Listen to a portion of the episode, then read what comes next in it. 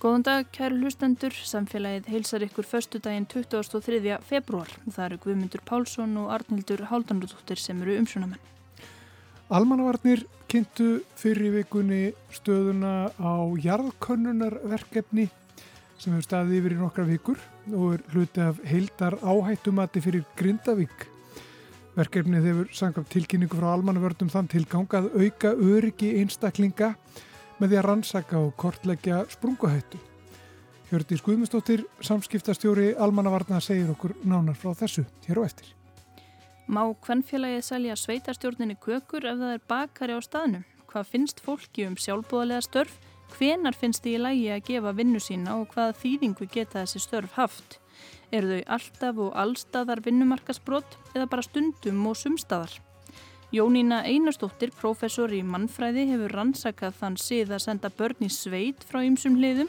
Í framhaldinu beint hún sjónum sínum að sjálfbúðastörðum fólk sem að kemur ynga erlendis frá og þínast rannsakað hún viðhorf til sjálfbúðaliða starfa almennt í sveitum og dreifbíli og við ræðum við hana hér og eftir. Við fáum leika eina málfarsminútu og svo er það dýraspjallið. Það var sagt frá því í morgumblaðinu á dögunum að íslenskir vísindamenn hefðu líst nýri tegund kolkrabba í grein í tímaritunu Zoological Letters. Kolkrabbi þessi hefur hlutið heitið ægir eða Musoctopus ægir. Steinun Hilma Ólafsdóttir sjávarlífræðingur hjá Hafrannsóknarstofnun er einn höfunda greinarinnar. Hún ætlar að segja okkur frá þessari hugkutun og ræða við okkur um rannsóknir í undir djúbunum. En við byrjum í Grindavík.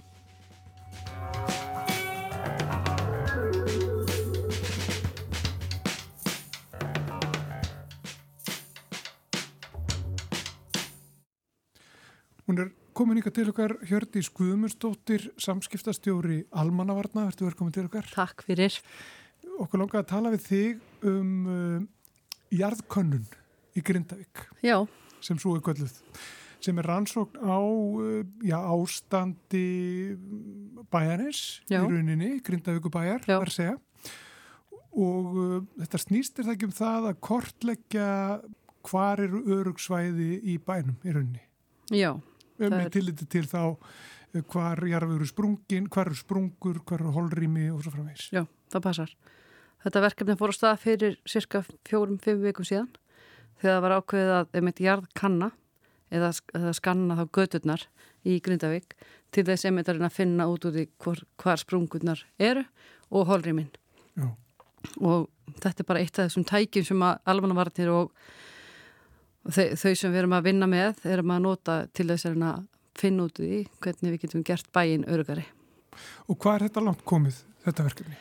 Þetta er sett upp í svo kallar þrjá fasa sem er óslulega fínt allavega fyrir sem fyrir okkur að vinna þannig vegna þess að við erum ofta á miklum hlaupum í okkar vinnu og vinnum oft í óvissu en þetta verkefni var sett upp í þess að þrjá fasa og fasi eitt var að mynda að tryggja þetta öruga aðgengi viðbrasæla þegar við vorum að í þessara vermaðibjörgun og þá var þetta fasi 1 svo kallaður og svo var fasi 2 það var að koma rekstur, rekstur í fyrirtækina á stað og kanna þá jarðvegin í nákvæmlega við það sem fyrirtækin eru í Grindavík. Og svo er það fasi 3 og það miðast við að opna Grindavík með þessi áherslu á framtíðar búsut á svæðinu. Og það er svo fasi sem er ekki ennþá byrjaður að vinna í. Við erum ennþá að vinna í fasa 1 og 2 bæði að þá skanna göturnar bæði í tengslu þá við að Íbor komist á heim til þess að geta sótt dótið sitt og, og í ykkur tilvægum að vera þar fyrir þá sem það kjósa. Og svo fasa 2 sem við erum núna í sem er þá snýst um að fyrirtekin geti farið inn og vera þar. En þetta snýst ekki um að fólk geti einmitt gengið um gangstjættinnar eða farið þessum opinn svæði. Þetta snýst um að þú geti kyrt heim til því lagt bílinn þar og komið svo tilbaka. Já þið sko hafið sendt frá okkur tilkynningu um þetta og, og, og fjallið um þetta í, í uh, frettatilkynningu sem að þið sendu út í gær um, þar eru kort margar myndir og ímis kort og það er búið að skipta þessu upp í ákveðin svæði sem eru, sem að götur eru grænar, sem svæði eru gul, önnur eru rauð Já. hvernig, hvernig Já. að virka þetta? Þetta virka þannig að, að gert mjög skipulega til þess að við getum komið þessum upplýsingum til íbúa. Þetta var svona einmitt eina af þessum lengri, lengri tilkynningu sem við sendum út frá okkur en það kannski meira verið að hugsa að fólk getur hreinlega tekið upplýsta ákverðunum hvort það geti hugsað sér að fara inn í bæin hvort sem að sé þá bara til þess að ná í það sem það er að ná í eða, eða alltaf vera lengur inn í bænum þannig já, þetta skipt, skipt, skiptist þannig upp að með að við þessa liti sem við erum mikið að nota og kannski orðið mjög flókið fyrir fólk að skilja en það er samt ágætt stundum að nota litina. En litinir eru notaður í þetta fólk, fólk viti hvort að þessi búið að skanna götuna þeirra eða það svæði sem þau eru inn á. Og það er ágætt að skoða við erum bara inn á okkar vef hjá almanavörnum með þessi kort og líka inn á grindafökur vefnum þar getur fólk séð sitt svæði, hvað er búið að gera og hvert hvað maður segja, ástandið er á því svæði sem að fólk á, er, er á. Þannig að þetta er svona að reyna að vera að reyna að gefa fólki smiklar upplýsingar eins og hægt er að taka, að hægt er að gefa til þess að getur tekið þess að upplýsta ákvörðin Er það þannig að það sem er mert uh, grænt það er aðgengilegt eða hvað, ef á að þykja öðrugt Já, þannig að þetta orð öryggi við erum verið að reyna að forðast að nota vegna þess að við getum ekkit sagt fyrir víst að eitthvað sé 100% örugt. En það sem er til dæmis í þeim lit þá er búið að skanna götuna og talið í lægi að fara þá um þar götur en það þýðir akkurat þess að ég sagði á þann og get líklega ekki sagt nú oft er að þetta snýst um götunar en ekki gangstíðana. Já, þannig að, að eins og staðan er núna þá er langstærstu hluti bæjarins um, hann eh, er eh, ekki, já þykir ekki nægilega örgur til þess að fólk séðar, eða hvað? Það er okkur þetta, hvað, er, hvað fólk telur sjálft að testa sér til að gera en við erum allavega búið að, búið að skanna langstærsta hluta bæjarins, það er ekki búið að skanna einn stóra hluta það sem fyrirtekin eru. Uh, þegar þetta er talað þá kannski alveg óvist um hvað er mörg prósundur hlutfall við erum búin að skanna en mjög stort hlutfall er búið að taka út. En við tölum oft um þessa fasa og það er mjög mikilvægt að segja, að, að tala að þannig að þessi fasi sem við erum í, þessi fasi 1 og 2, að við erum ennþá þar. Við erum langt frá því að vera komin í hann fasa 3, þar sem við verðum að tala um að búsetta sé í lagi til langs tíma. Og þannig að og þetta er reynum að vera bara eitt af tækjanum sem við höfum til þess að reyna að finna út í því hvort að fólk geti búið í Grindavík og hvenar það verður hægt. Þetta er ekki þannig að þetta sé 100% örugt tæki og tól til þess að segja bara, herðu, hér er örugt að vera. Og það er einmitt vísbendingar um holrými á ákveðnum stöðum og það er einmitt kemur fram í þessum plöggum að við, það eru vísbendingar um að það séu holrými á ákveðnum götum og það er eitthvað sem að verður svo í næsta skref að fara að skoða það betur það verður það bara gert af þeim aðlið sem við erum að vinna með þetta með og það eru margra margra daga að vikna vinna að kanna það mm. þannig að skilabáðun okkar eru alltaf þessi við erum að reyna til að reyna að gera bærin, bærin eins örugan innan gæðsalapa eins og hægt er en enginn getur samt sagt með vissu að, að þetta, þetta sem við erum að nota í þetta, þetta er bara eitt af tækjum Hvernig er þetta unnið? Hvernig er þetta gert? Það eru mörg sem muna þegar þetta verkefni fór á stað fyrir þessum fjórum-fimm viku síðan að þá var verið að nota dróna sem var, var notaði til þess að fara yfir götunar en það svo kom í ljósa í vonda við slæmi veðri sem var, er náttúrulega oft á Íslandi í janúar, februar að þá var það floknara verk en tali var. Þannig að þessi jársjá sem hefur núna notuð þá eru aðilar sem eru að ganga götunar til þess að reyna að sjá hvað er undir. En þetta er bara eh, hefur tekið tíma og meiri tíma heldur en kannski gert var áður fyrir í byrjun. Já, og það, þetta snýst á bara um það að komast með þetta þessa, þessi tæki eh, yfir uh, yfirborð uh, já, gatnana í þess tilfelli eða já, yfirborðið í bænum og gera það nógu þétt til þess að, að geta metið Já, gera það þétt og skipulega þannig að við getum það metið hver staðan er á hverju svæði. En þetta er, má segja bara enn eitt svona þetta er frábært tæki að hafa og hefur verið, bara verið ótrúlegt að geta haft á allavega einhverja sín niður í jörðina, það eins og oft talað um það að við viljum oft upplýsa um hvernig jörðin liggur og annað en, en það er enginn sem getur sagt að hvernig nákvæmlega staðan er. En þetta hefur gefið góða raun til þess að gefa vísbendingar um það sem er hann undir. Og ekki síst þessi hólrými sem við höfum hér talað um sem eru náttúrulega bara óvænlega að vita af.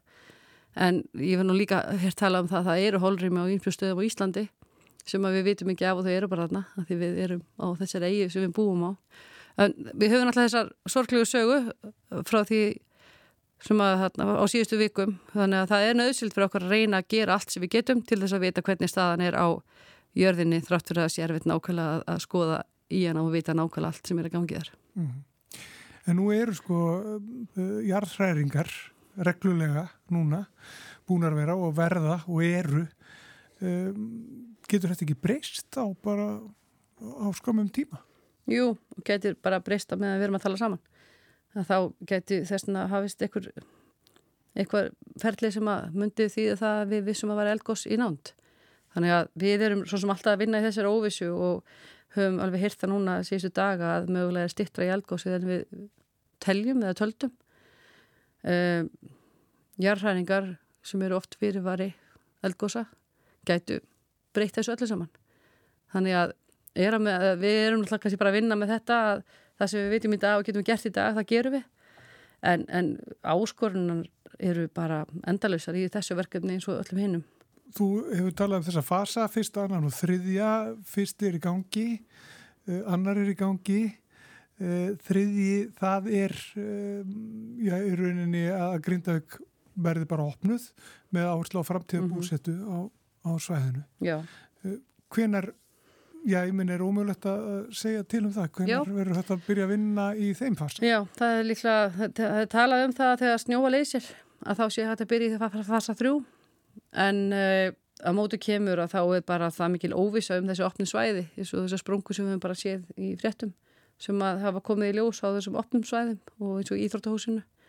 Að, að það er svona kannski þau svæði sem við höfum ekki síst áhugir af. Að því að Grindavæk er í dag með aðgengi fyrir alla, grindvikinga að, að óvissan um opnusvæðin og óvissan um þessi já þessi svæði sem að kannski erfitt er að skanna akkurat núna og hún er algjör.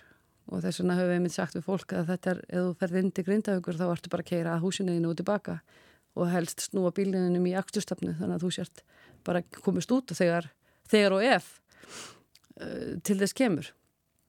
En svo er hann að svæði svo yðnaðarsvæði sem er mjög illa farið. Og það er eitthvað svæði sem er ekki búið að ákveða hvernig verður gert og hvernig verður svona, hver, hver næstu fasa verður í, í því verkefni.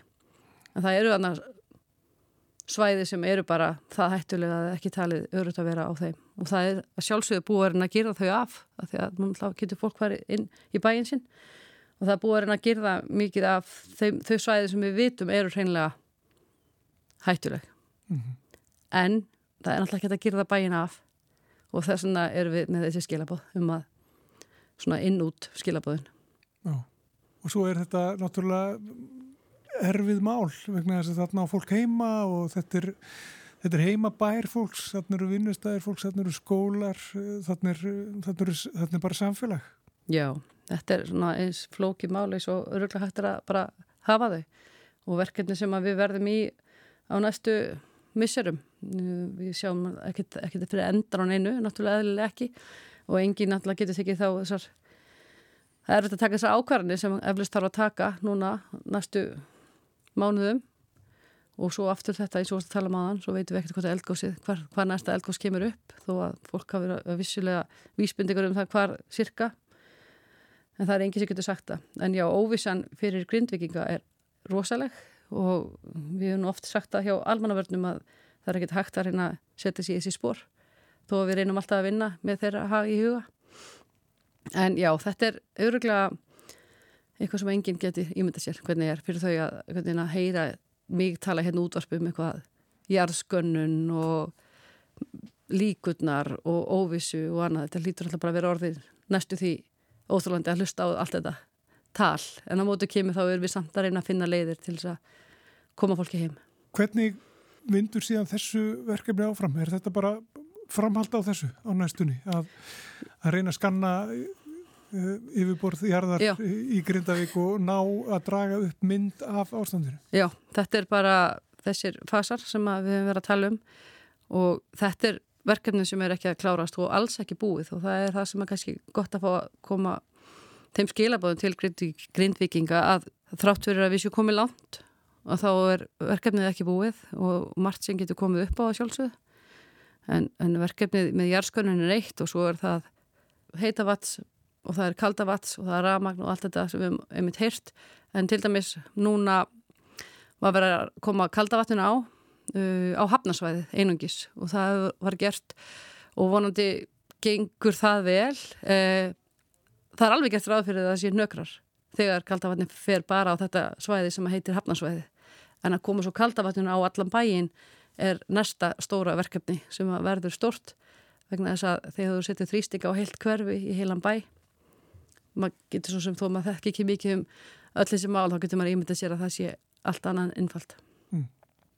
Ef fólk vil skoða þetta sjá þessar myndir sem við verðum að tala um og, og kynna sér verkefnið. Þá er hægt að gera það uh, inn á almanvarnir.is og grindavík.is þar er þessar allar þessu upplýsingar og um leið og við vitum meira þá setjum við allt inn á þessar síður allt sem við vitum. Já. Hörður Guðmundsdóttir, samskiptastjóri Almanna Varna, takk fyrir komuna. Takk, sem að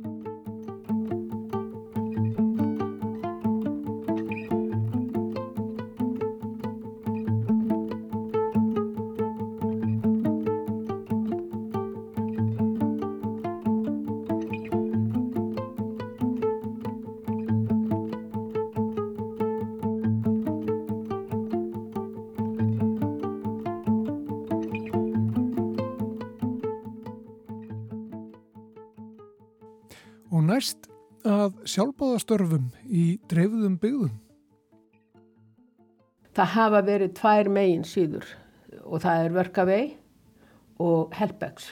Og hér erum við á verkavei og þá getum við, ég þarf alltaf að hugsa með how it works, find, find a host. Og þá fer ég hérna inn í Evrópu, countries in Europe og svo veljum við okkar ágæta land sem heitir Ísland Sjáum við fjöldan á auðlýsingum? Við, við sjáum hérna, eru 138. Mm -hmm. Hérna er verið bara þorput á landi, eh, verið auðlýst eftir eh, fjölskylda vil fá hjálp við eh, gardavinnu. Hérna er verið líka í tettbíli út á landi, er verið auðlýst eftir eitthvað til leikaði börn og aðstofað við svona daglegstörf og þetta eru algengust störfin í dag. Munstri varaður þessi fyrir nokkrum árum. Ég hef séð það líka í auðvilsingum að nýjum auðvilsingum að til þess ef að það verið að byggja um sjálfbóðaliða á sveitabæi þá tekið fram að ekki er beðum aðstóð við búrasturinn. Þannig að það er svona orðið meira og maður sér um þetta fólk er að setja bara myndir af sér og fjölskyldunni, er, myndir af norðurljósum. Það er mjög algengt að í auðvilsingum að það er lögð áhersla á áhugaverði staði að ferðast og yfirleitt fjölskyldumyndir. Mikið barnafjölskyldur Í raun og veru mætti segja að, að í setni tíð þá hefur veltið fyrir mér hvort að uh, auðlýsingarnar sem við sjáum endur spekli ekki oft erfiða stöðu barna fólks. Við eh, sjáum það mjög mikið í nýlegum auðlýsingum og miklu meir en við sáum í auðlýsingum frá 2017, 18, 19. Þá var miklu meir að vera auðlýsa eftir í ferðarþjónust. Það er ekki gert í dag. Og við vitum frá samtölum sem við áttum eh, frá okkar eigin gagnöflun að fólk sem að hefur auglist eftir og það hefur komið einhvern veginn fram að það væri þar að ég veit að verkefælisfélagin hefur ringt í þetta fólk að haft sambandið. Vi, við setjum hérna í, í Otta í Háskóla Íslands ég og Jónína Einustóttir professor í, í mannfræði og við ætlum aðeins að fjalla um já, nýjustu rannsóknuna og fleiri rannsóknir sem að henni tengtar þetta er, þetta er stórt rannsóknarverkefni sem snýra sveitum og, og brotaktum byggðum sjálfbóðaliðum og, og svona ymsum sem hafa verið fenginn til þess að vinna, vinna störfi í sveitum. Viltu kannski segja mig bara hvernig þú byrjaðir að, að skoða þetta? Í grunninn byrjaði ég að skoða þetta þegar ég var að skoða mannsalbarna í Vesturafriku 2009 byrjaði þá að vinna að skoða mannsalbarna í Gínubusá og ég fór að skoða nákvæmlega skilgrinningur og hvað gæti verið þá mannsal og hvað var í flokka sem mannsal og þá áttaði mig á því að siðir sem að líka sinnum að senda börn í sveit voru flokku sem mannsalbarna í Vesturafriku. Uh, ég vil taka það fram að fólk sem að sem sagt, stundar þessa siði það lítur ekki svo á sem mannsal því finnst að sér vegið og segir þetta eru okkar leiðir til þess að alup okkar börn. Við teljum að því séu holdt að fara í sveit eða gera það sem að börnin er að gera innan ramma hvers síðar á hverjum stað. En enga síður þá hefur verið tilneng til þess að flokka ákveðna síði skipulega einhvern veginn í heilsinni sem mannsal og þá segir fólk, jó, þú getur fundið að dæmi þess að það sé illa að fara með börn innan ramma síðanins en síðurinn sjálfur, fólki finnst ósýfið að flokka þessu mannsal og í framhaldi af þessu þá byrjaði ég að skoða síðan að senda börn í sveit á Íslandi, við þekkjum hann öll ég kemur sveit, það voru börn í sveit á öllum bæjum á þeim tíma. Svo fekk ég styrk frá Rannis og við vorum saman á hvernig aðsóknarhópur sem hefum skoðað síðan á mjög fjölbreyttan hátt. Og Að sjálfsögðu byggjum við rannsóknuna að miklu leiti á þeim sem upplöðu síðan, eh, fólki sem var sendið sveit, en líka fólk sem tók í sveit og fólk sem sendi börn í sveit og líka félagstjónustan sem að notaði úr að senda börn í sveit fyrir börn í erfuri stöðu og satt best að segja heilta niðurstan að koma okkur á óvart hvað fólk á góðan minningar af þessum síð, miða við þá umræðu sem hefur verið, en það er engi launing á því að það eru líka fólk sem að, á mjög erfiðar einslu af sínum og við erum ekkert að draga döla því og það er auðvist í okkar gagnum að, að krakkar höfðu oft frumkvæð að því sjálfa fara í sveit. Og uh, krakkar komið tilbaka og sum sögðu æfintýrlega sögur að því hvað þau hefðu gert í sveitinu og þetta. Og það er mjög algengt að fólk segir sem sagt að það hafi verið sveit, það breytti mér og lifið mín og mér minnir að við, við gerðum bæði einstaklingsviðtöl og, og svo gerðum við spurningulistakonun og mér minnir að rétt rúmlega 90% svarenda þegar þú horfa tilbaka þá segja þeir að það hefur sendur í sveit hafi breytt lífið þeirra á jákvæðanátt. En svo eh, færið ykkur úr þessu og yfir í sjálfbóðaliða og farið að skoða eh, þessa nýjung sem að kannski kom bara til söguna fyrir örfum árum að fólk erlendis frá væri að koma já kannski líka í einhvers konar ævintyra mennsku til Íslands til þess að vinna á sveitabæjum hjá fyrirtækjum. Í, í sveitaránsókninni þá skoðum við líka ólinga, krakka ólinga sem voru að fara í sveita á 2001. öldinni. En þegar að byrja að vara að skoða auðlýsingar eftir krakka í sveit, þá koma þessir sjálfbúðaliða auðlýsingar, til dæmis í bandablönu, sjálfbúðaliðar óska eftir að fá að dvelja í sveit ákveðin tíma.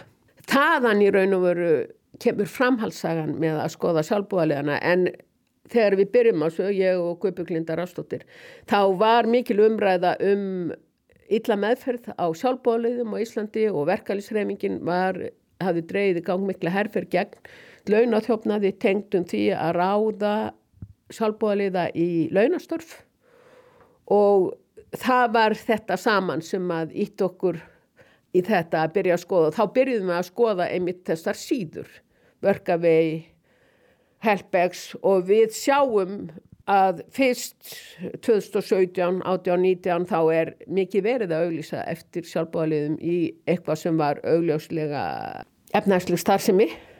Ef ég segja fyrir aftur til ég hef skoðað vandlega allar auglýsingar á þessum síðum fyrir árið eða 23 og það er augljóst að, að auglýsingarnar hafa breyst. Þeim hefur hlutafastlega fækkað Ég held að það sé að hluta til vegna að það byrja að ráða fólki gegnum aðra kanala en þessar síður. En nú er miklu meiri áhersla á að auðvitað fólki til heimilistarfa. Og það virðist vera, jáfnveil smitandi, það er ákveðin þorp út af landi sem að, það er bara svo margar auðvisingar frá ákveðinu þorpum. Að það er eins og einhver byrju og hafi góða reynsla því að auðvitað er sjálfbólið og þá byrja aðrir auðvitað er sjálfbólið. Síðan höfum við tekið viðtöl líka við sjálfbóðarliða sem að útskýra akkur þeir eru að koma. Þarna er fólk á ferðinni sem að fer úr einu land í annað eða tekur tímabil og stundar það að vera í sjálfbóðarvinnu. Þetta er að gerast út um allan heim, þetta er bara hluti af ákveðnum ákveðni leið ungs fólks til þess að sjá sig um í veröldin margir segja og okkar við myndum segja líka að þetta er ódýrleið til að ferðast en líka þú ert ekki eins og ferðamadur sem að sko kynast samfélaginu svo dýbri hátt. samfélaginu það er aldrei margt meira á allt annan hátt. Við sjáum líka sko við höfum viðtölvið fólk sem segir við viljum ekki þessi efnahagslegu tengsl þar sem við búum. Við viljum kynast fólki án þess að það séu launagreislur og, og einhver sé yfir okkur og við séum, séum löntegi og atunreikandi. það er fólk sem... Það bara er ekki hugsað um fimm tíma á dag sem svona viðmið. Samkvæmt leiðbenningu sem fylgja þessum heimasíðum þá á, má vinna fjóra tíma á dag, fjór til fimm tíma á dag, fimm daga vikunar og uh, þá má reynda nefna bændur taka það gætnan og, uh, og við séum það í gegnum árin í auðvitað þeir taka fram að uh, íslenskur landbúnar er ekki þannig að það eru álagstímar og ekki álagstímar þannig að þeir, þeir lofa sjálfbóðaliðunum að það verður lengri dagar og séðan meiri frí. Það er, er svona ákveðin samþygt bandasamtakana og verkarsreifingarinnar um það að uh, það sé ákveðin hefð fyrir sjálfbóðastarfi á álagstímum við bændur í söðburði og á haustunni, leitir og réttir. Og þá kemur spurningin sko, er í lægi að við komum til sjálfbúðaliði sér erlendur. Verður hann að vera Íslendikur eða verður hann að vera einhverja úr fjölskyldinu? Nú segja þá bændur að uh, það hefur fækkað svo mikið í sveitum. Það þarf að smala jafn, jafn stór svæði þó einhver hafa farið í eyði. Það er mikið álag á þeim vinnu álag á þeim sem er eftir. Uh, bændur segja líka að það er miklu erfiðar í dag að fá einhver til að koma og hjálpa til í söðbyrju heldur en var.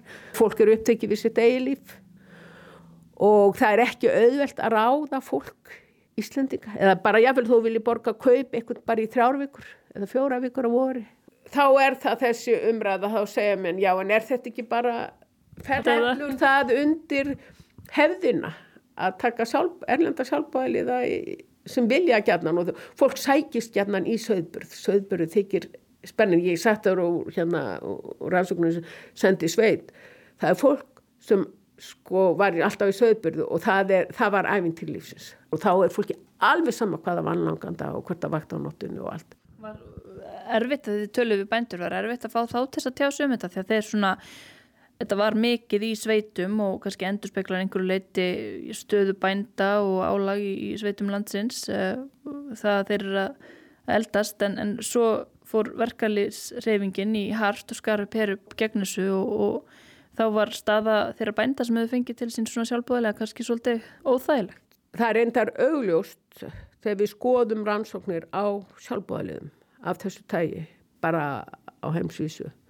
Þá er til mjög mikið af rannsóknum um sjálfbúðilegana sjálfa. Það er lítið um rannsóknir á meðal þeirra sem taka á móti sjálfbúðilegum. Og við höfum þá meira í senni tíð leitast við að fá sjónarhótt þeirra sem að taka til sín sjálfbóðaliða.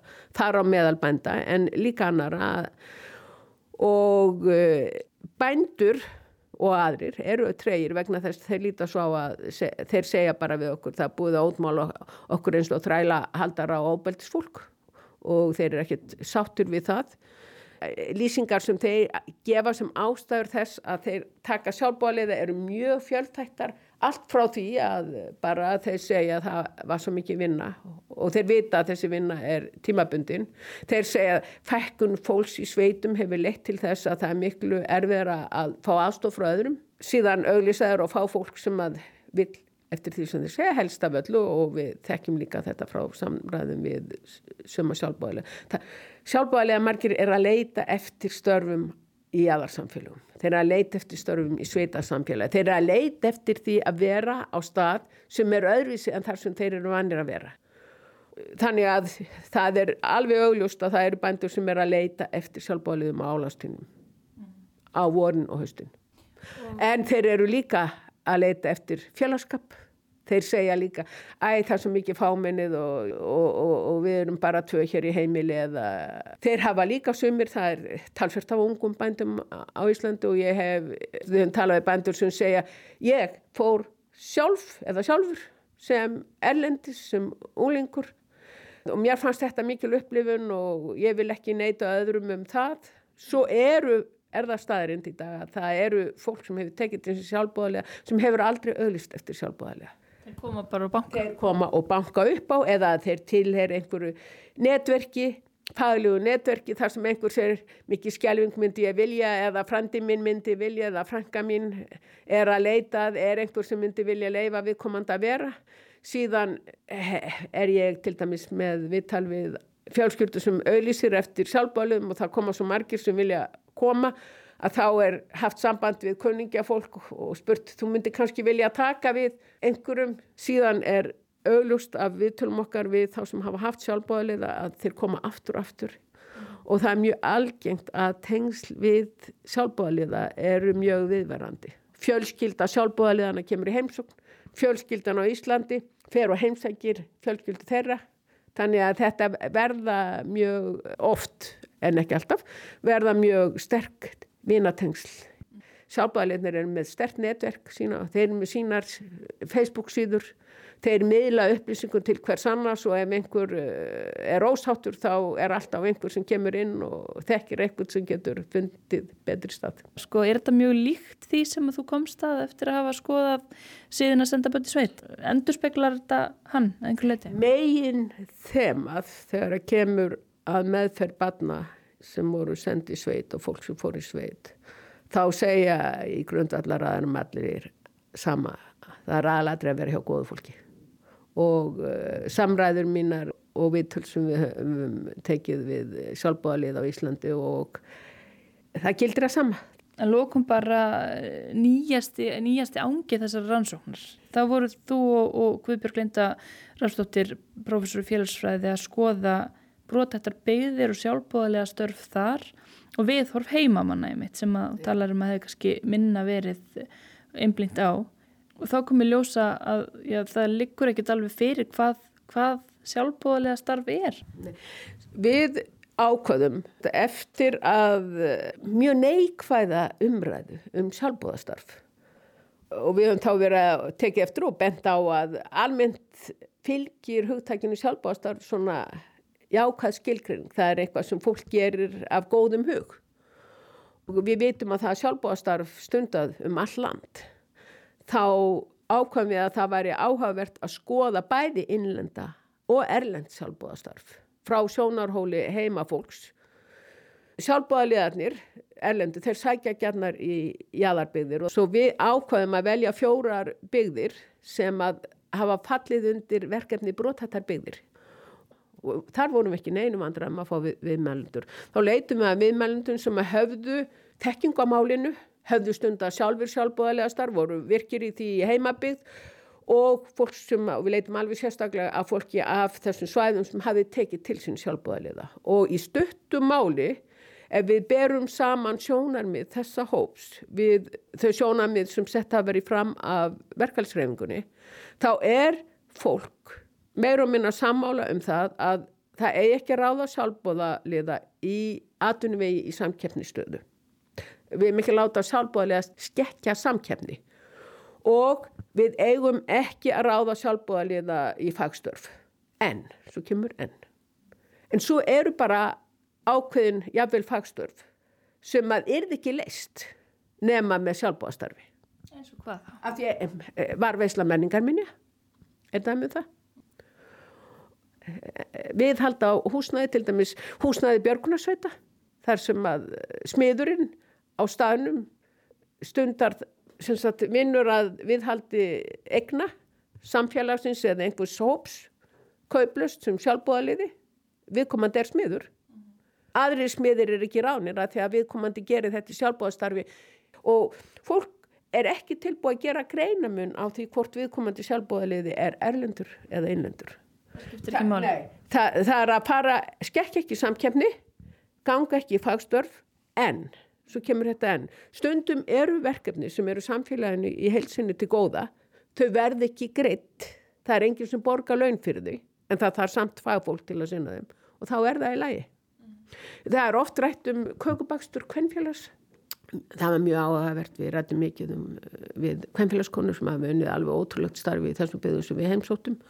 Og það er alveg ljóst að þegar að bakari kemur á svaðið þá byrja kvænfélagskonur að hugsa svo já við eigum ekki að, að vera í samkeppni við bakaran í einu samfélaginu sem fórum í þá vil svo list til að þegar stjórnar sveitin heldur sína fundi þá vilja er kvænfélagskökurinn ekki bakarikökur og panta það.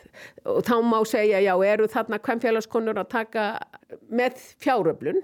Þær gera þetta í sjálfbóðastarfi en þær fá borgað en það fer inn í kvemmfélagið sem síðan notar peningin í einhvað sínum verkefni sem, sem er stöningu við samfélagið.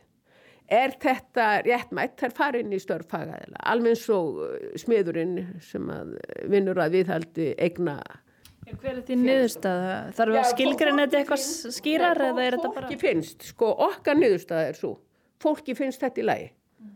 og því finnst fáranlegt, til dæmis við ekki tekið svona líka málinn svo dráttarþjónustu. Það er ekki dráttarþjónusta í öllum samfélum út á landi. Er þá ekki í lagi að Björgunarsveitin noti dráttarþjónustu til fjáröflunar? Fólk leggur áherslu á það að þetta snúist ekki bara um, um, um fagstörf, þetta snúist líka um að verkefni verði leist mm -hmm. og, og þegar við byrjum samræðunar en, en hvað með bændur? Þá er mjög sterk tilneng til þess að segja já, jú, það er rétt, það er efnarslis þar sem er eitthvað sögfa bú æ, við gleymum því, það, við vitum að það lifir engin að því. Og það er ákveðin tilneng til þess að vilja undanskilja hjá fólki í þessum byggðum sem við hefum rætt við að undanskilja vinnu á lögbilum vegna þess hvað staða greinana er veik. Og við spurjum líka í okkar rannsókn er það þannig að sjálfbóðilegar taki launastörf frá heimafólki? Og þegar við spurjum að því hvort það sé möguleikja því þá fólki finnst það, sem við finnst það meira að segja gráðbroslegt að það verði til einhver störf hjá bandum sem hætti að taka sjálfbóðaliða þessi já, þeir vinna nú bara lengri dag eh, þeir, eh, ég veit ekki hvernig þeir ættu að, og þeir segja sjálfur, ég veit ekki hvernig við ættum að borga öðrum fyrir að sinna þessu störnum þegar við, þetta dýr ekki fyrir okkur sjálf. Við þurfum sjálfa að stunda aðra vinnu utan.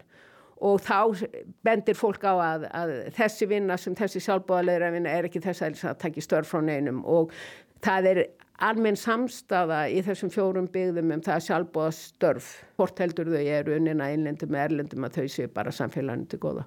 Einhverju spurningar sem að eftir standa hjá þér eru, eru fleiri rannsóknir í, í faráttinu? Það væru þá að taka eina umræðu við verkefælisreifingun og ný. Það sem, allir, það sem við heyrum líkur þessum byggðum og er mjög skýrt, fólk er mjög, það segir já, Gaggrínin á erlendu sjálfbóðaliðina er að sumuleiti rétt en hún er líka harkalega og óvægin. Það er að okkur vegið. Sjálfbóðastorf eru líka augljóslega af hennu góða og við myndum vilja sjá skýrari reglurum hvað má og má ekki. Af því að fólk er ekki sátt við það að, að eh, reglurna séu svo skýrar að við látum vera að bjarga menningavermætum af því að við hefum ekki penning til þess að borga fagaðilega en einhver er tilbúin að gera það í sjálfbóðaliðafinu. Þannig að það þyrsti kannski einhverja skýrari laga umgjörð utanum fyrirbæri sjálfbóðaliði? Já, það þyrsti, fólki finnst sem sagt að það þurfi að vera skýrari línur um hvað má og má ekki en verkefælisreifingin segir að hún er með mjög skýrar línur og það er efnahæstri starfsemi og lögbili það á ekki að ráða sjálfbóðaliði í það og þá koma mótraukin og segja en Ísland, ef við förum í hinnar ólíku byður Ísland, þá er bara missamt hvaða þjónustur í gangi og ekki látum við vera að sinna störfum. Við látum ekki vera að sinna störfum sem þarf að sinna og er samfélaginu til goða. Það voru áhugavert að sjá hvernig þessi umræða þróast og, og þessi umgjörð utanum um þetta starf sem er raunverulega unnið. Það er fjöldi sjálfbúðarlega hér ennþá. Takk fyrir að spjalla við samfélagið um þetta, Jónina Einustóttir, professor í mannfræði. Takk fyrir.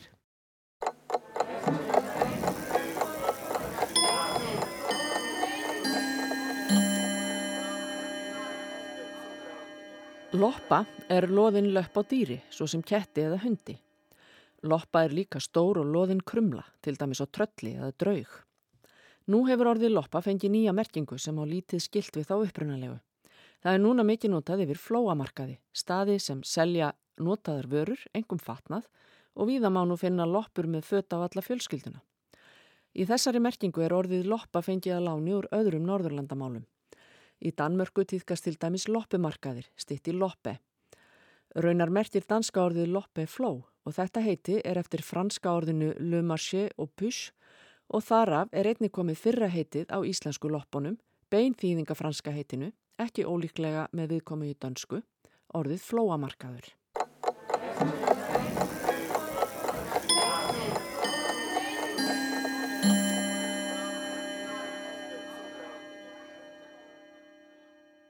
Við erum að tala um nýja tegund kolkrabba sem að fannst hér við land og var nýlega líst í vísindatímaritunu Zoological Letters sem er eitt af þessum, þessum rítríndu tímaritum uh, og allt gert eftir kunstarna reglum náttúrulega. Steinun Hilma Ólarsdóttir sjávarlífræðingur hjá Hárasunarstofnun er einn höfunda þessara greinar. Uh, Verður velkomin til okkar. Takk fyrir. Uh, Þannig fundin nýtegund Korkrabba, henni líst þarna. Og þessi tegund hefur hlutið fræði heitið Músoktopus ægir. Mm -hmm. við skulum bara kalla hann ægi, er það ekki? Jú, jú, bara, bara hann heitir það bara. Eh, Hvaða dýr er þetta? Þetta er, já, kolkrabbi. Kolkrabbi tilherir dýrahópi sem kalla smokkdýr. Og fleiri hérna hópar eru undir þeim, þeim flokki, til dæmi smokkfiskar og svo eru sem að við þekkjum kannski best að því að þeir voru veitir hérna svolítið beitismokkurinn hefur verið veitur hér í Ísland. Hann er semst skildur kolkröpum um, síðan er annar rættingi sem er doldið mikill minni svona kallaði blekfiskur eða sepia þeir eru svona svolítið guppslegri pínulitlir og krútlegir við vitum ekkert mjög mikið um þá hér í Ísland. Síðan er hérna frændið þeirra sem að e, kallast kukkur á íslensku en nátilaus á ennsku eða fræðheitinu og hérna þeir eru kannski þekktari úr jarðalögum, jarðsögunni en það lifir af einn hópur í dag sem að þeir eru öðruvísi en hinn vegna þess að þeir bera skiluna utan á sér. Flestir kolgrabbar og smokktir og, smokkfiskar hafa skiluna í rauninni leifar á skil en hún er inn í þeim. En þessi ber skiluna utan á sér en hann fyrst ekki í Ísland. Aha. en kolkrabbin sem fannst núna er sem sagt oktopus hefur átta arma og er eiginlegur kólkrabbi. Og þessi uppgötun kemur til hvernig? Hvernig, hvernig uppgötum að nýja tegund? Hvernig, já, í þessu tilviki þá hérna, má eiginlega segja það að, að hérna, við vorum í samstarfi við sérfræðing uh, sem hefur sérhæft sig í kólkrabum og norðurslóðum og hann hafði samband við okkur og bað okkur að fylgjast með að við sæjum kólkrabba koma upp sem meðabla að því á þessum tímapunkti þá voru við að rannsaka meðabla í haustrali. Haustral það er sem sagt leðangra sem Hárusónstofum fyrir í það til þess að sapna upplýsingum um stoppstarfiska, botfiska og í, í ykkur þrjú ár fóru við með bottirafólk og var að skoða allt sem ekki voru fiskar greina þetta til tegunda og, og vikta og mæla og annað slikt um, og við sem sagt söpnum fyrir þennan Alexei þessum nokkrum kolgröpum og meðal annars kom þessi upp. Og hérna og hann var lifandi og við náðum að taka ábúslega fína myndir á honum. Og síðan hérna sá hann alveg segi út frá ímsu að þetta væri mjög líklega nýtt tegund eða allavega hann gæti ekki komið þessari tegund fyrir sig. Þannig að hann fór í það að, að hérna skoða eintök annar staðar eldri eintök sem til voru í söpnum meðal annars á náttúrufræðissapninu hér á Íslandi. Uh, eintök sem hafi verið sapnaði fyrir leiðangrum um, botur rannsóknar leiðangrum en aldrei verið, verið hérna rannsökuða greindiltegunda og hann var búin að setja sér í samband við um, sambarlega rannsóknar í Noregi og Grænlandi þar sem verið var að skoða meðabla með fiskirannsóknum og fekk eintök þaðan og, og hérna allt til þess að skoða og komast að því hvort þetta væri í raun og veru ný tegund og þá þetta náttúrulega að vera alveg vissum að þú sért ekki að endurskrifa tegund sem er til já. og þannig eiginlega, já, þetta er búið að vera svolítið langur prósess. Og það að, að það hafa fundist önnur eintök af þessari tegund áður um, á ákveðnum stöðum, gefur það ykkur af vísbyrningar um þá útbreyslu og, og þess að þar? Það virðist vera að þessi tegund er fyrir norðan Grænlands Íslands færiarhyggjinn og nær uh, alveg út í hérna til Úslands, norðu fyrir og er við austurströnd Grænlands líka. Þannig að þetta er svona kald sjáar tegund, skulum við segja. Það er önnur tegund skildinni hérna við land sem er sunnar en hefur hann að nafn og var búið að lýsa áður. Þannig að það verðist vera einhvers konar mörg þarna á útbreyslunni allavega út frá þeim gögnum sem við höfum í dag. Mm. Og þarna hafði fundist einmitt uh, nokkrar, nokkur eindök af, af þessari tegund og þessari tegund hafði ekki verið líst. Alexi átt að segja á þessu þarna eins og þú segir að mm -hmm. þetta getur verið nýtt tegund. Yeah. Hvenar, hvað, hvað er það sko sem að, sem að svona greinir eh, frá þessar, þessa, þessi eintök, ef við getum sagt það, þessa, þessa tegund frá öðrum tegundum, en sem maður getur ímda sér að það, eins og þú segir, sko, það þarf fullur sér svo um að, að tegundin ekki er líst áður og svo framvegist. Það, það er þá eitthvað, eitthvað hann. Já, ég, ég get ekki alveg rækið það í þessu tilviki en, en, hérna, en það þarf að mæla alls konar þætti, um, líf, lífræðilega þætti, jáfnvel þarf að skera þá upp og skoða líka innri lífæri og annað og vefi og, og hérna til dæmis eins og að kolkröpum þá getur við verið að skoða sóskálatnar, fjölda, stærð, hlutvald, hvort sem krókar á það með ekki, síðan hérna er ímsari þætti sem hættir að skoða en, en, en þú þart að sko lýsa þessu öllu saman og hafa það alltaf takt einhvern hvað það er sem þú ert að uh, sjá sem þú telur vera öðruvísi en í öðrum tegundum. En, en stundum er það í rauninni ill, eða bara erfitt að sjá það utan á dýrónum það er í rauninni í sömntilvikum uh, þá er það kannski bara erðafræðir upplýsingar sem bara sína fram á að þessi tegund er öðruvísi en önnur tegund sem lítur eða alveg eins út. Já Þannig að þú þarfst að skoða ansi margt að þú ákveður eitthvað sem tegund og það þarf að fara fyrir nefnd sérfræðinga og þeir þurfa að vera að sammála þér að þetta mat þitt á því sem þú ert að finna og sjá leiði til þess að um nýja tegund sérræða. Já. Þú, þitt sérsvið er bóttir rannsóknir mm -hmm. um, og það er, maður ímynda sér að það getur verið aldrei svona viðfemt svið, uh, margar tegundir, um, erfitt vantanlega að, að svona sækja eintök og, og rannsaka þetta og kortleika. Já, botdýr er samheiti yfir marga dýrahópa og eiginlega svona á einfaldan hátt má segja heila höll dýrni sem ekki eru, eru hérna, þau dýr sem eru hrygglesingar og lifa á hásbótninum og þau eru ansi mörg. Og, og þau finnast náttúrulega bara frá fjöru og nýra á dýstu, nýra dýstu djúb og eru mjög fjölbreytt. Og það er erfitt að vera sérhæfður í einmitt einum hópi eða eitthvað slikt maður þarf svolítið að hérna, skoða þetta út frá ansi mörgum sjónahotnum um, að kortleggja þetta, já sérstaklega við verum að kortleggja e, þessi svæði eða lífriki botlífriki í, á hásbótnunum uh, eh, ef við förum eitthvað, dýp, eitthvað djúft þá, þá þurfum við að hafa sérstök uh, tæki og tól til þess. Þegar við erum að skoða uh, lífriki á hásbótnunum þá notum við oft myndavilar eða í dag erum við að nota myndavilar áður fyrir var verið að sapna þessum dýrum bara með alls konar söfnunatækjum sem voru dregin eða tókuð eftir botninum. Og dýrin sem að koma upp voru þá tekin og, og, og vist, geimt og, og hérna síðan greint og skoðið en núna erum við svolítið að beita annari nálgun og það er að fara með myndavilar til að sjá ekki bara þá hvað, hvað dýr eru þarna heldur líka samspildýrana hvað tegundir eru saman, hvað þeir eru að gera og líka til að sjá ástandið á svæðunum eins og til dæmis við höfum verið að skoða viðkvæm visskerfi og þá viljum við geta séð hvort það sé búið að raska þeim eða hvort það séu heil til að geta metið ástandið á þeim og umfangið. Já. Og þetta eru, þetta eru kórallar til dæmis? Já, til dæmis, já. já. Við hefum verið að skoða kóralsvæði hérna sögum í landinu og vestur og, og bara alls konar hérna reyna kortleiki bara hvernig búsvæði við höfum í hafinu hérna við Ísland og það er, við erum að sjá alveg fjölmarkar gerðin af þeim. Já, og þetta er þá væntalega líka bara hluti af stærri rannsóknum á, á visskerfunum eða visskerfinu, segir maður. Þetta orðir ætti að taka í allar áttir. Já, þetta er náttúrulega sko, í starra samminginu við viljum við náttúrulega fá grunnþekkingu á því til að geta til að geta teki ákvarðanir varðandi nýtingu eða varðandi verndun eða varðandi þá þætti sem við þurfum að taka ábyrð á að því að við byrjum ábyrð á og velferð uh, lífrikisins í hafinu og, og hérna visskerfisins þannig að þá þurfum við náttúrulega að hafa einhverju grunnþekkingu til að geta tekið upplýstur ákvarðanir um þessa þætti.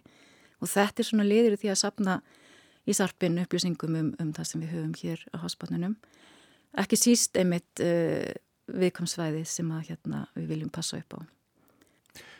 Þar sem er, er sko á miklu dýpi á hásbátunum uh, á miklu dýpi uh, hvað vitum við sko mikið?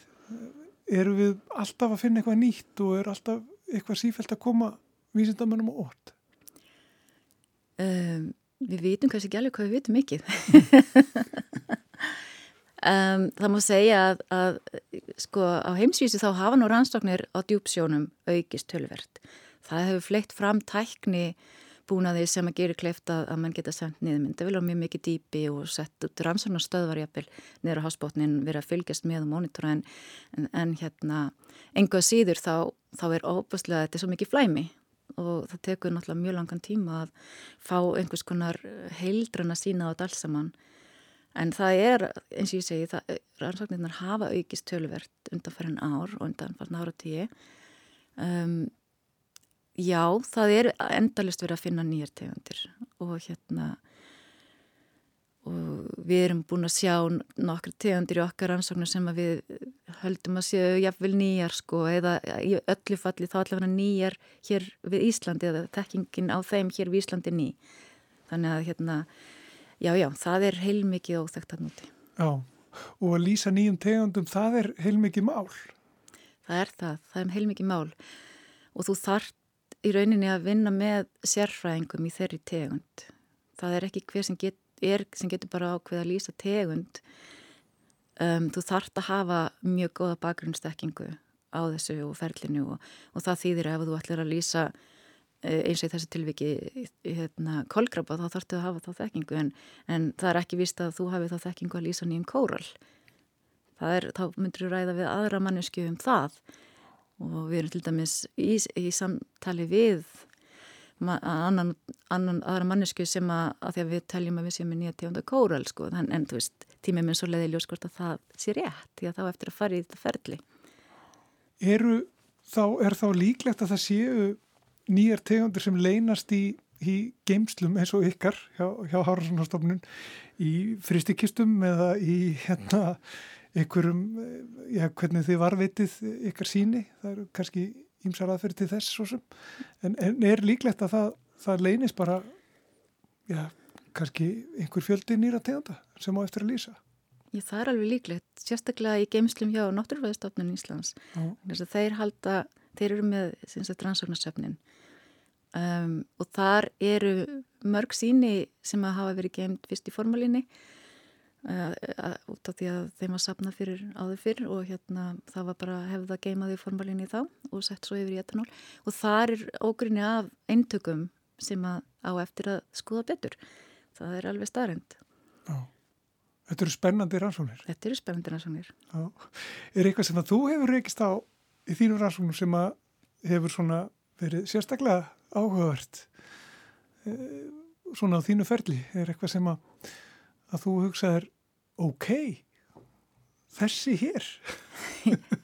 já, já, það kemur oft fyrir sérstaklega, þú veist, ef þú ferð á nýtt svæði og setjum myndafél niður, þá, þá myndu alltaf sjá eitthvað spennandi, eitthvað sem kemur ávart. Og sérstaklega gaman eins og til dæmis við vorum að skoða lífrikið á botni, á, í Grænlandssundi fyrir nokkrum árum og, og það er mjög skemmtilegt lífriki og fjölbreytt í raun og veru og þar vorum við að sjá til dæmi svarkóróla sem að, nýjan svarkóróla sem ég hef ekki séð áður við Ísland og þeir eru mjög sjálfgefri við Ísland og hérna og þar sáum við með líka kóról sem að við heldum ef þekktum en við nánari að aðtugun þá er þetta líklega nýtt tegund þannig að það er alltaf svolítið skemmtilegt. Já. Líka svo er í rauninni bara hversu fjölbreytt lífrikið okkar er. Við getum verið að hérna, fara yfir svæði þar sem að þú sérð breyðu af sæfjöðurum og sandbotni svo ferðu bara einn metir og þá ertu komin á harðanbotni þá ertu komin svampabreyðu allt annað lífriki, allt annað tegundir þannig að það er svo fjölbreytt En þegar þeir sendar myndavelar og þeir sjáuð eitthvað getið þetta ekki síni? Staðarbúnaðurinn sem við eigum hérna á Hafró nei, ekki á sama tíma við tökum myndir, nei, við eigum það ekki mm. En ægir til dæmis, hann kom upp í haustralli eins og þú segir, hann kom upp lifandi eða það er eintak sem að þið funduð að það var, var leiðungur sem þú varst í? Já, já, þá voru við mitt að, eins og ég sagði með haustralinu að skoða þær tegundi sem að koma upp sem meðabli og, og það er alveg ógrinni af tegundi sem við hefum séð við þær rannsóknir. Uh, ég held að sumu stöð og ægir kom upp, þá kom upp ykkur yfir 50 aðrar tegundir á bottinum með botn við trolli sko, þannig að hérna, það er, já, já, það er hægt að sapna með því líka. Og hvað er það djúft? Ægir kom upp á fjö, rúmlega 400 metrum en við erum að fara þessi höströl fara dýfst um 1200 metra eitthvað svo leiðist og þá eru við ofta að sjá einmitt nýja sagt, spennandi tegundir sem við ekkert mjög vel þekktar. Er eitthvað framöndan, er eitthvað, eitthvað leiðangur framöndan sem þú lakka til? Sérstaklega? Já, við erum líklegast að fara núna aftur eftir nokkra ára byggð með myndavilar og kortleikja fleiri svæði með búsvæði og lífriki á fleiri svæðum við Ísland. Þá fyrir við myndavilarnar og hérna skoðum hvað við finnum. Er takmark að finna nýja tegundir? Er það eitthvað nei, svona, nei. er það eitthvað svona sérstakt svona fagnarefni? Það er mjög gaman en, en nei, takmarkið er í rauninni bara að afla þessar grunnþekkingar að því að bara vita hvar þessi búsvæði eru, geta líst þeim, skoða þau og, og hérna, sett bara fleiri bita í búsluspilið. Mm -hmm. Það er eiginlega takmarkið. Það er ekki sérstaklega leitað að nýjum, tegundum? Nei, við leitum ekki að nýjum tegundum, nei. En það er eitt vana sem að finnst, eins og verður. Mm -hmm. Steinur Hilma Ólarstóttir eh, sjávarlífræðingur, takk hjá alla fyrir að koma til okkar í samfélagið. Takk fyrir mig. Og með þessu spjalli um bóttýr og kolkarpan ægi sem er ný tegund ljúkum við samfélaginu þennan förstu dag og þessa vikuna raunar. Guðmundur Pálsson og Artildur Haldarardóttir þakka fyrir sig við verðum hér á okkar staðasjálfsögðu á mánudagin. Heyrust á, verið sæl.